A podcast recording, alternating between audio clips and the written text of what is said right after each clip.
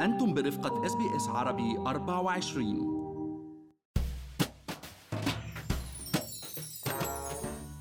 يا ترى كم حساب بنكي أو مصرفي عنا في بنوك أستراليا؟ مش رح نستغرب إذا كان جوابكم ثلاث حسابات على القليلة لأنكم ضمن ال 18 مليون أسترالي اليوم اللي بيتعاملوا مع البنوك بأستراليا وبيستفيدوا من خدماتها المالية المتنوعة. مرحبا معكم مرام إسماعيل من بودكاست لنحكي عن المال. واليوم رح نحكي أنا والمحلل الاقتصادي عبد الله عبد الله عن نوع الحساب الأنسب لنا وكيف ممكن نختار البنك المناسب لنتعامل معه. بس خليني أذكركم إنه كل اللي بنقال بهالحلقة هو على سبيل المعلومات العامة فقط وليس نصيحة خاصة. عبد الله يعني قبل ما نيجي على أستراليا كان عندنا حساب واحد بالبنك وبالكتير يمكن حسابين بس الواحد لما بوصل على أستراليا بتضيع من كتر المسميات والأنواع والعروض للخدمات البنكية. وفعلا يمكن كتار منا فتحوا حسابات ما كانوا بحاجتها ويمكن كلفتهم رسوم من دون ما يعرفوا وما يكون لها داعي أصلا. مزبوط آه، مرام النظام المصرفي الإسترالي اليوم متطور جدا مقارنة بالمصارف آه، بكثير من دولنا العربية يعني وبيقدم حلول آه، وخدمات مالية متعددة ومتنوعة ونحن بإمكاننا الاستفادة منها بطبيعة الحال. طبعا أكيد إذا فهمنا الغرض الأساسي من هاي الخدمات المصرفية وعرفنا بالضبط شو المناسب لنا ولكن التعامل مع البنوك مثل ما بنعرف يعني هو سيف ذو حدين اليوم وبالآخر هاي البنوك هي مؤسسات آه، ربحية. هدفها الأول والأخير اليوم إنه تكبر أرباحها وسلعتها الوحيدة يعني اليوم اللي بتتجر فيها هي الأموال هي المال نفسه هو السلعة تبعها وبتعمل أرباح من خلال هالاموال والنصيب الأكبر من هذا المال اللي بتشتغل فيه هو من أموالنا اللي هي أموال المودعين. ومع وجود أكثر من 60 بنك أسترالي بالبلد وحوالي 8 بنوك أجنبية بالإضافة إلى عشرات الاتحادات الائتمانية اللي هي معروفة بالكريدت يونيونز المنتشرة أيضا بأنحاء المدن والمناطق الأسترالية كيف ممكن عبد الله نقرر مع مين بدنا نتعامل وشو الأحسن إلنا؟ فعلا يا مرام موضوع البنوك نوعا ما متشعب وخاصة آه، للقادمين الجدد على البلد. ولكن على الرغم من تشعباته إلا أنه آه، الموضوع بالأول وبالآخر بيرجع لنا نحن. وأولى الخطوات يلي نعملها هي نشوف شو هي الخدمات المصرفية يلي نحن بنحتاجها والمنتجات والتسهيلات المتوفرة بالسوق. وطبعا يلي ممكن يناسبني لإلي مثلا ما ما بيناسبك لإلك مرام والعكس صحيح وعلى هذا الأساس نحن بنختار البنك والمنتج والخدمة المناسبة لنا ومثل ما قلتي يعني يعني اليوم الخدمات كتير كبيرة وكتيرة ومتنوعة. أول الخدمات هي الحساب الجاري واللي معظمنا بنحتاجه وبنستعمله لتلقي الراتب وإدارة المصاريف. وبهذا الحساب الخيارات سهلة ومتعددة. يعني مثلا إذا بعدنا بنعتمد كتير على الكاش بتعاملاتنا فمن الأفضل اختيار المصرف اللي عنده فرع أو جهاز صراف قريب وما كتير يمكن بياخد رسوم عبد الله. مزبوط مهم كتير موضوع الرسوم اليوم نتأكد منها وخاصة على السحوبات النقدية أو حتى على عملية إدارة الحساب مرام يعني اللي هن بيقولوا له ال account maintenance fees أو ال account holding fees كمان مهم بهالحالة نحن نتأكد إنه ما يكون في رسوم آه، للحفاظ على حد أدنى من المبلغ بالحساب أو رسوم لاستعمال بطاقة السحب ال debit card أو غيرها. كمان بدنا نتأكد إنهم ما بياخذوا رسوم على الخدمات الثانية المرتبطة بالحساب عبد الله مثل خدمة الرسائل القصيرة عند السحب أو خدمات التعاملات أونلاين مزبوط يعني اليوم بوجود عشرات البنوك مثل ما قلتي مرام آه، اللي بتقدم هالخدمات الأساسية. ما لازم ابدا نحن نكون عم ندفع رسوم للحقيقه يعني لاستعمال آه، هيك خدمات على حساباتنا الجارية. وهون بنحب نذكر إنه التعاملات مع البنوك نحن الزبون وحقوقنا محفوظة بالقانون. وكمان البنوك دائما بتسعى لتجذبنا لفتح حسابات عندها. لهيك نحن يعني اليوم إذا بدنا نقول بالموقع القوي من ناحية المفاوضات معهم وخاصة إنه تعدد الخيارات كمان بيعطينا نقط قوة أكثر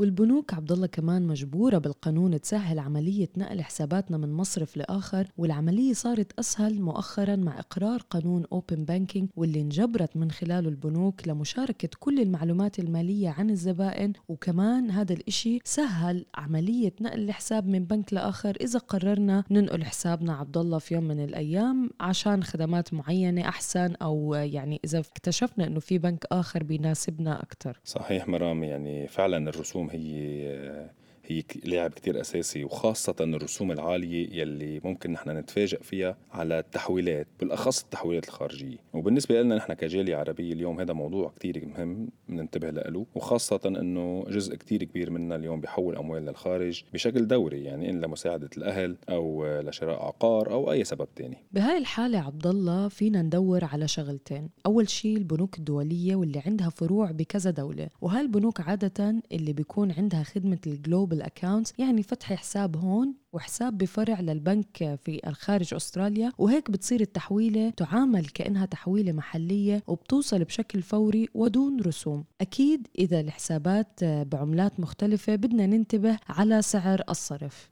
صحيح. آه، ويعني ممكن نحن ندور على بعض البنوك الموجودة ببلد آخر نحن بالعادة بنحول عليه. آه، وممكن يكون عندهم فرع بإستراليا مثلا مثل البنك العربي الأردني أو حتى بنك سيدني من لبنان أو غيرها. وكمان إذا ما عندهم فروع اليوم في شغلة تانية بالنسبة للتحويلات آه، بيقولوا لها مرام بعالم البنوك ال correspondent banks أو البنوك المراسلة. وهي مؤسسات مالية بتتعامل مع البنوك الأسترالية خارج البلد. يعني إذا البنك يلي نحن اليوم نتعامل معه بأستراليا ما عنده فرع ببلد آخر بيلجأ هو هو للتعامل مع بنك مراسل. وهيك يعني إذا إذا حسابنا موجود هون والحساب الآخر بالبنك المراسل رسوم التحويلات بتكون أكيد أقل والتحويلات كمان بتاخذ وقت أقل لتوصل. أيضا عبد الله كل البنوك اليوم مجبرة بالقانون إنها تكشف على مواقعها الإلكترونية جدول بكل الرسوم اللي ممكن توضعها على التعاملات البنكية وكل منتج أو كل خدمة مصرفية إلها شيء اسمه Product Disclosure Statement أو بيان الإفصاح عن المنتج وفي كل التفاصيل عن منتج معين ممكن نحتاج نعرفها قبل ما نشترك فيه أو نستخدم خدماته. صحيح. هلأ إذا بدنا ننتقل لحسابات التوفير اليوم يمكن أولوياتنا بتختلف شوي عن حسابات الجاريه في أيضا كمان العديد من العروض آه، مطروحة اليوم بالسوق من عند البنوك. وأهم المسائل يلي يمكن نحن ننتبه لها هي الفائدة أكيد يلي ممكن نحن نجنيها من إيداع أموالنا بحسابات توفيرية وخاصة أنه آه، أسعار الفوائد اليوم على الودائع بأستراليا منخفضة كثير كجزء من أصلا السياسة المالية للمصرف المركزي. فعلا يعني آه، في أسعار فوائد اليوم متدنية مرام ومن الضروري لأي حدا بيملك حساب توفيري بالبنك يتابع هذه أسعار الفوائد من البنك المركزي وأخبارها كيف عم تطلع وكيف عم تنزل. صحيح وبتتراوح نسب الفوائد الأساسية ال base rate اليوم بين 0.1 إلى 1 بالمية وبتفرق من مصرف لآخر ومن منتج لآخر. الفائدة على هاي الحسابات عبد الله أكيد هي فائدة متغيرة وبتتغير مع تغير سعر الفائدة من المصرف المركزي واللي هو اليوم 0.25% وأيضا يعني في اليوم العروض من المصارف آه، بيدخل فيها عدة عوامل تانية مرام. فمثلا في بعض الأنواع الفوائد بتعلى أو بتقل مع ارتفاع أو انخفاض المبلغ المودع. مثلا إذا الحساب في أقل من 50 ألف دولار الفايدة يلي بنجنيها عليها بتكون حوالي 0.4% وممكن توصل ل 0.65% اليوم ببعض العروض الموجودة لحسابات الفوق المليون دولار. يعني دائما أرقامك بالعالي عبد الله. فسر لنا شوي شو يعني فائده 0.65% على أساس سنوي لو سمحت. والله هي مش من عندي الأرقام مرام بس مثلا خلينا نحكي إذا المليون دولار اليوم بحسابك بيعطوك 0.65% يعني مليون دولار بيرجع لك 6500 دولار على أساس سنوي. البنك بيقسمهم على 12 شهر ويدفع لك تقريبا 540 دولار أول كل شهر فوائد على الإيداع. بس هذا الرقم مش قليل كتير عبد الله؟ مزبوط هو قليل يعني وهي أصلا جزء من السياسة المالية اليوم يلي حكينا عنها من شوي مرام ومن خلالها بيدفع البنك المركزي أصحاب رؤوس الأموال لاستثمار أموالهم آه، بالسوق يعني مثلا بسوق الأسهم بسوق العقارات أو بإنشاء أعمال تجارية جديدة. وهي طريقة يعني لتحريك الأموال بالاقتصاد ودفعه نحو النمو مش إنه يخلوا أموالهم محطوطين بالبنك وما عم بيستفيد منها الاقتصاد أكثر طيب خلينا عبد الله نرجع لحسابات التوفير واللي في منها بيكون مثل الحسابات الجارية فينا نعمل ال access على الأموال اللي بدنا إياها بأي ساعة بدنا إياها ويكون عندنا account online لحتى نتصرف بالمصاري بأي وقت ونزور فرع البنك لنسحب منها أموال. مزبوط وفي نوع آخر من الحسابات مرام يلي هو بيتم من خلاله تثبيت مبلغ لفترة معينة اللي هو متعارف عليه ك term deposit هذا الحساب المفترض إنه يعطينا أكيد عائد أكبر من الحسابات التوفيرية الأخرى. ولكن نحن ضروري ننتبه هون بهذه الحالة على شروط فك التثبيت. يعني في بنوك اليوم تطلب شهر أو شهرين notice إنه أنت إذا بدك تسحب مصرياتك بدك تقول لهم قبل بشهر أو قبل بشهرين. وأيضا آه كمان هيدي فك هذا التثبيت ممكن يكلفنا رسوم إضافية زيادة. وفي بعض الحسابات التوفيرية التوفيرية عبد الله بتحط شرط علينا إنه نحول مصاري بشكل دوري ومبالغ ثابتة. وفي حسابات بتدفع فايدة أعلى من العادة لأول كم شهر وبعدين بترجع لنسبة فايدة أقل. وهي طريقة بتستعملها البنوك لجذب المودعين وبسموها intro rate مزبوط. وكمان أيضا آه، في بنوك بتدفع شيء اسمه bonus rate وهو فايدة إضافية إذا الشخص مثلا زاد هالمبالغ بشكل دوري. مثلا إذا اليوم عم بياخد على ال deposit تبعه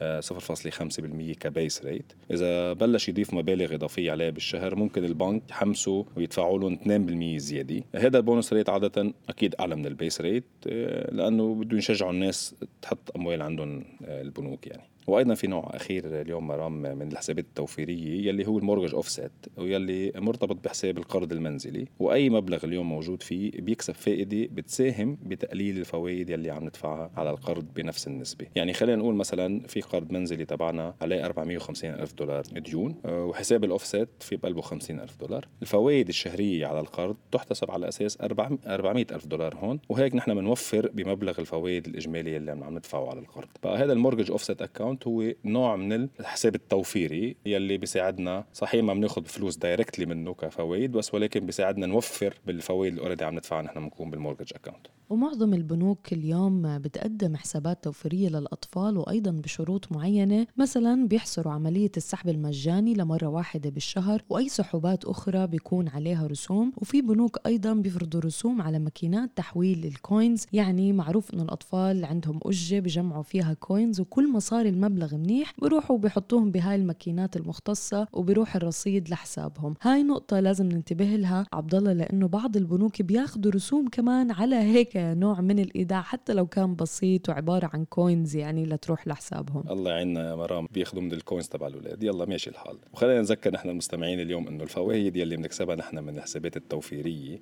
هي عرضة للضريبة لأنها آه، تعتبر مدخول يعني. حتى الفوائد من حسابات الأطفال يعني آه، ممكن تكون عرضة للضريبة. وهون نحن لازم نستفسر من البنك أكثر أو حتى من المحاسب تبعنا عن هالمبالغ المترتبة علينا كفوائد. وبيبقى نذكر أنه معظم البنوك اليوم بتمكننا أنه نفتح عندهم حساب السوبر يلي هو أيضا حساب توفيري استثماري على المدى الطويل. آه، هلأ يمكن عملية اختيار السوبر المثالي مرام لازم نعمل لها حلقة لحال ولكن يعني أيضا ننتبه من موضوع الرسوم وأكيد أكيد نحاول نسأل المحاسب وأهل الاختصاص لنقدر نحصل على أكبر من ردود ممكن نحن من حساب السوبر تبعنا. يعني الحسابات التوفيرية مختلفة بيبقى نحدد الأنسب إلنا من بينها ليساعدنا ويحفزنا على توفير المال بالفعل. وفعلا بين الحساب الجاري والتوفيري والحساب الدائن من القروض الشخصية لقروض السيارة والبطاقة الائتمانية وقرض المنزل والأوفست أكاونت اللي مرتبط فيه.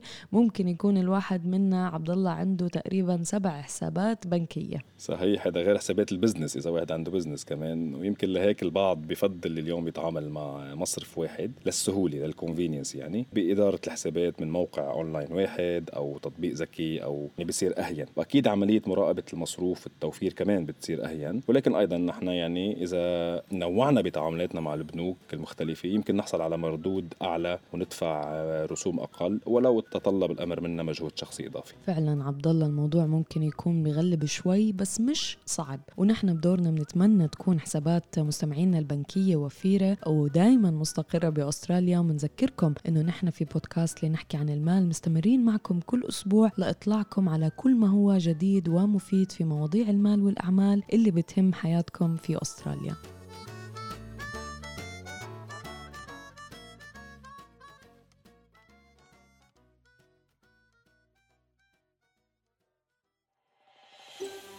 هل تريدون الاستماع إلى المزيد من هذه القصص؟ استمعوا من خلال Apple Podcast، Google Podcast، Spotify أو من أينما تحصلون على البودكاست